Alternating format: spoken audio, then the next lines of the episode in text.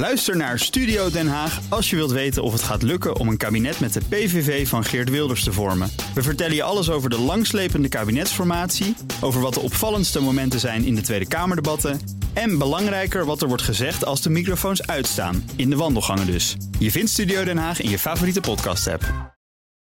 Auto-update. Ja, daarom is Nout Broekhoff bij ons. Gisteren nog gewoon mijn eh, eigen co-host. En vandaag weer in de auto's. Gezellig. Nou, goedemorgen. Goedemorgen Bas, het was leuk hè gisteren. Ja, het was fijn. Het Ja, we was- hebben wel bedacht dat wij het ook zonder jou zouden kunnen, Bas. Nu. ja. Eh, nou, eh, wederom problemen bij Polestar, het elektrische automerk van Volvo. ik- Ik zou zeggen, ga je gang Thomas. Er eh, is weer een, eh, sprake van een terugroepactie. Eh, begin deze maand ook al, hè. dat ging om eh, de Polestar 2. En dit gaat ook over de Polestar 2. Eh, begin deze maand ging het om iets meer dan 2000 auto's... en nu om 4586 exemplaren. Dus waarschijnlijk zitten die auto's die eh, begin deze maand zijn teruggeroepen... daar ook weer bij. Het gaat om eh, foutieve inverters. Ehm, ja, die zetten eigenlijk de opgeslagen energie in de accu om... in het vermogen dat de elektromotoren nodig hebben. Ja, dat wil je natuurlijk wel, want het is een performance EV, hè, Bas. Dus je wil wel dat vermogen hebben uiteindelijk, hè. Want je wilt toch wel waar voor je geld uiteindelijk. Dat, dat is waar, ja. En, en Polestar heeft ook centen nodig. Het is een Chinees bedrijf, toch? Klopt, ehm, schrijft Reuters. Ja, er lopen gesprekken met investeerders. Het zou gaan om 800 tot 900 miljoen dollar dat ze willen gaan ophalen. Dat vind ik toch wel een signaal. Want kijk, ehm, Polestar is in principe gewoon eigendom van Geely. Geely heeft Volvo in handen. Dus daar zit echt wel geld achter. Maar het zou nu toch gaan om Chinese investeerders die daar eh, bijna een miljard dollar in willen gaan steken. Dus ja, ze zijn eh, op zoek naar geld waarschijnlijk om die, ja, eh, die ontwikkeling van de elektrische auto's te versnellen. Dat moet wel. Ja, ze willen, ze willen dus meer auto's gaan bouwen. Ze Ja? willen de wereld gaan veroveren. Dat zit er dik in. Nou, ze willen denk ik echt Tesla gaan aanvallen. Dat is Ja. denk ik wat ze echt willen. En dan, Hyundai viert een mijlpaal. Ja, in het thuisland Zuid-Korea zijn 10.000 waterstofauto's verkocht voor het Zo. eerst. Het gaat om de Nexo. Dat vind ik eigenlijk best wel een mooie SUV om naar te kijken. Eh, ik heb er ook in gereden. Eh, het ziet Ja? er eigenlijk best wel goed uit. Je kunt alleen nergens tanken, dat is wel het probleem natuurlijk. Nee, je zet hem in je tuin en dan het een mooie plantenbak met wielen. Kun je er mooi naar kijken, inderdaad. Ja, Eh, in totaal van die 10.000 auto's zijn eh, naar Nederland 180 exemplaren verscheept... waar er dit jaar 64 zijn verkocht.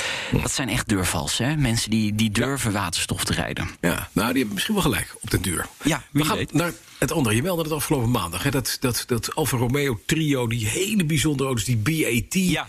Oftewel de Bat, Batmobiles, want het zijn eigenlijk gewoon spaceships. Die zijn geveild. Ja, die moet je echt even zien, hoor, die Ja, BAT-modellen. schitterend. De 5, de 7 en de 9D, we hadden het inderdaad begin deze week over. Gebouwd eh, door eh, Bertone. Super aerodynamisch. Hè. Luchtweerstand is echt helemaal on fleek, zullen we maar zeggen. Eh, CW-waarde van 0,19. Die zijn geveild, die modellen. Historisch gezien hele belangrijke modellen. 14,8 miljoen dollar. Hartstikke door RRM Sotheby's. Probleem En Eh, wanneer is- staan ze in het museum van Lauwman? Nou, zou Evert Lauwman het nog hebben liggen, die 14,8 miljoen dollar?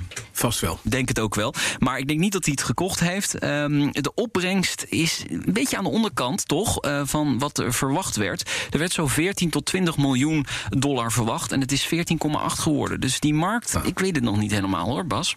Oké, nou. Dan, eh tenslotte, vanmiddag in de autoshow ga je doen? Onder meer Al het Kalf komt langs. Eh, jullie hebben hem vanochtend ook al even gesproken. Hij heeft een biografie uitgebracht. Ja. En ik heb hem helemaal al gelezen. Er staan leuke verhalen in, moet ik zeggen. Toch even van die dingen dat je denkt... ja, dat is leuk dat Allard dat toch even... Hij wilde zelf eh, coureur worden, hè? Hij wilde zelf heel was graag- coureur. Ja, hij was het. Ja, Hij- maar Formule 1 ook echt. Ja, Formule 1 heeft hij niet gehaald. Eh, Hij heeft wel in de Formule 3 gereden, een paar races. En, en Johnny Herbert zegt in het voorwoord, dat is oud eh, Formule 1-coureur... Mhm. dat eh Allard echt een racetalent was. Ja, en als Johnny Herbert dat zegt... Dan eh, is hij dat ook. nou, vanmiddag is hij dus jullie gast om drie uur in de Nationale Autoshow. Dankjewel, nou. Absoluut. De BNR Auto Update wordt mede mogelijk gemaakt door Lexus. Nu ook 100% elektrisch. Bij BNR ben je altijd als eerste op de hoogte van het laatste nieuws. Luister dagelijks live via internet. Bas van Werven. En heel langzaam komt de zon op rond dit tijdstip. Je krijgt inzicht in de dag die komt op BNR, het Binnenhof in Nederland en de rest van de wereld. De Ochtendspits. Voor de beste start van je werkdag. Blijf scherp en mis niets.